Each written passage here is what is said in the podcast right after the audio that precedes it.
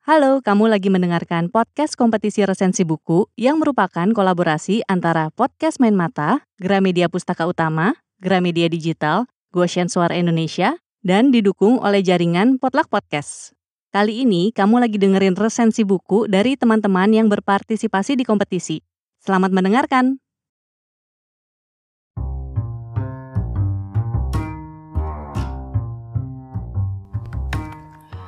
The Star and I Sejak kecil, Olivia Mitchell ingin tahu siapa orang tua kandungnya. Jadi ketika ia mendapat kesempatan bekerja di New York, ia pun menyambarnya tanpa ragu. Namun mencari seseorang tanpa nama di kota sebesar New York adalah sesuatu yang mustahil. Kini kontrak kerja Olivia akan segera berakhir, dan Olivia menolak pulang ke Inggris sebelum berhasil melacak keberadaan orang tua kandungnya. Itu berarti ia harus segera mencari pekerjaan baru supaya ia bisa tetap tinggal di New York.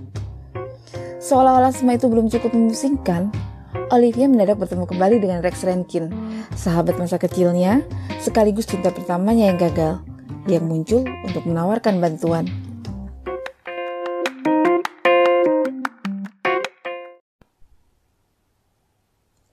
Hai guys, finally Tika Bicara balik lagi. Opening tadi sedikit beda ya dari podcast gue sebelum-sebelumnya. Yang tadi gue baca adalah blurb novel yang berjudul The Star and I, karya autor atau penulis favorit gue Ilanatan yang terbaru. Kenapa kok gue bacain blurbnya? Karena untuk hari ini gue akan mereview novel yang terbit di sekitar awal tahun 2021-an ini yang siapa tahu aja bisa berguna buat kalian yang mungkin pengen beli bukunya. Hmm, pertama gue mau cerita sedikit nih. Kenapa kok akhirnya gue memutuskan menambahkan novel ini ke rak buku gue? Jadi ceritanya, gue sedikit melakukan kesalahan kecil. Well, sebenarnya nggak bisa dibilang kesalahan juga sih, karena biasanya kebanyakan dari kita kalau mau membaca atau membeli novel tertentu, kita akan mencari review orang lain yang sudah pernah membaca novel tersebut duluan kan? Bener gitu nggak? Nah, gue awalnya begitu tahu Ilanatan merilis novel terbarunya, langsung dong ya refleks mencari informasi-informasi mengenai itu, termasuk resensi-resensi teman-teman pembaca di salah satu situs review buku terbesar yang ada. Dan reviewnya itu lumayan sih secara angka, not really high, tapi gue bukan mau membahas angkanya.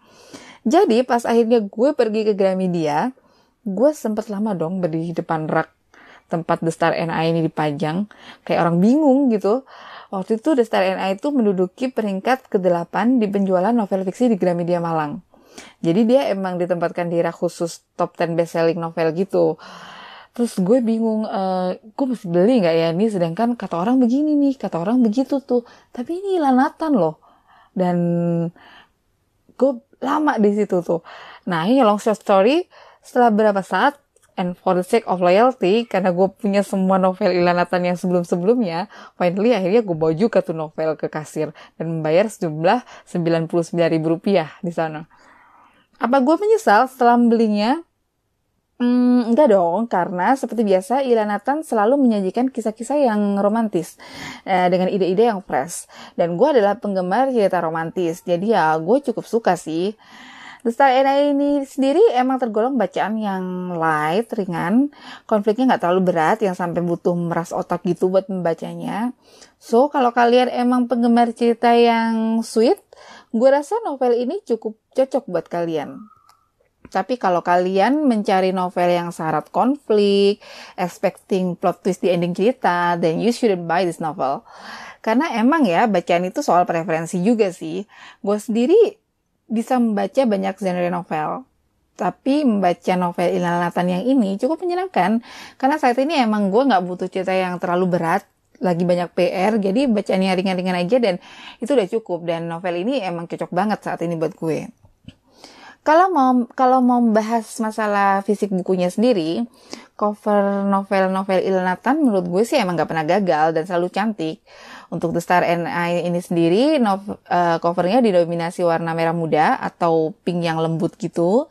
Dengan gambar salah satu sudut kota yang kemungkinan besar sih kalau gue tebak itu adalah sudut kota New York. Karena setting tempatnya sebagian besar di sana.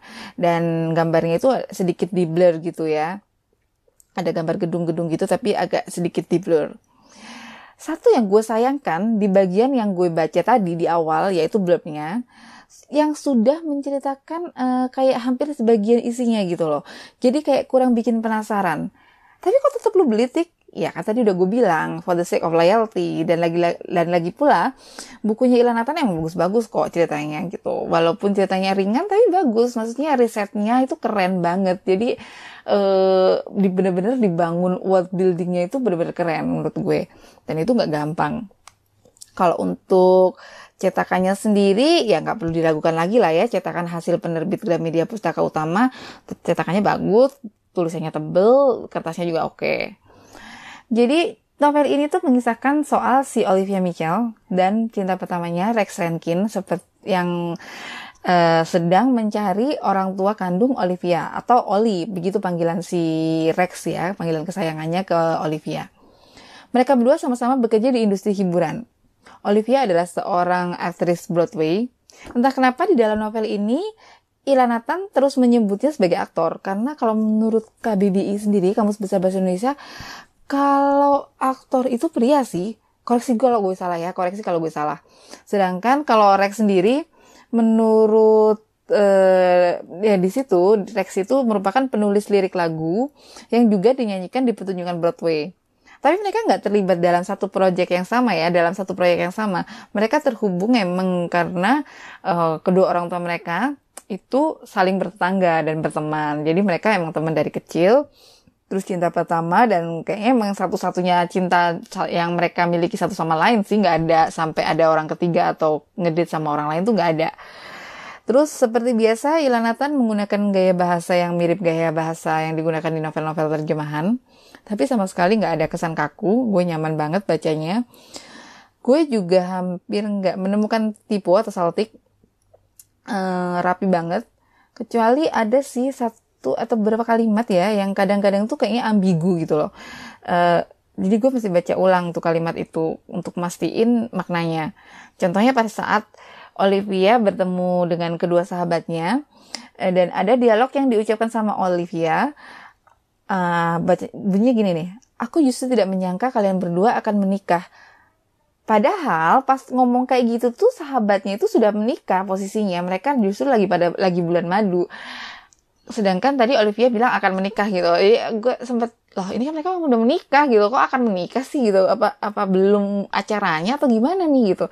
Gitu. Ya tapi itu sepele sih. Mungkin karena gue juga nulis jadi gue agak sedikit detail di kayak kayak hal-hal kecil kayak gitu. Tapi mungkin kalau yang reader biasa sih kayaknya akan kelewat sih hal kayak gitu. Nggak terlalu signifikan banget sebenarnya sih gue suka-suka aja uh, sama karya Ilanatan yang The Star Ena ini hanya saja gue sedikit berharap uh, lebih, mungkin sedikit beda atau lebih bagus dari karya-karya beliau yang sebelumnya sih ya. No, bukan berarti ini nggak bagus, sama sekali bukan. Tapi setelah membaca buku, khususnya novel karya seseorang yang jumlahnya nggak cuma satu, jadi kita pasti membandingkan kan, tapi ada berapa gitu. Pasti kita mengharapkan ada perkembangan dari karya-karyanya yang sebelumnya. Dari karyanya bertutur melalui ceritanya, atau bagaimana plotnya itu disusun. And so far, jujur aja, gue belum nemuin itu di karya Ilanatan yang terbaru ini. Sejauh ini kalau gue harus milih karya Ilanatan yang jadi favorit, pilihan gue sih tetap jatuh ke Autumn in Paris.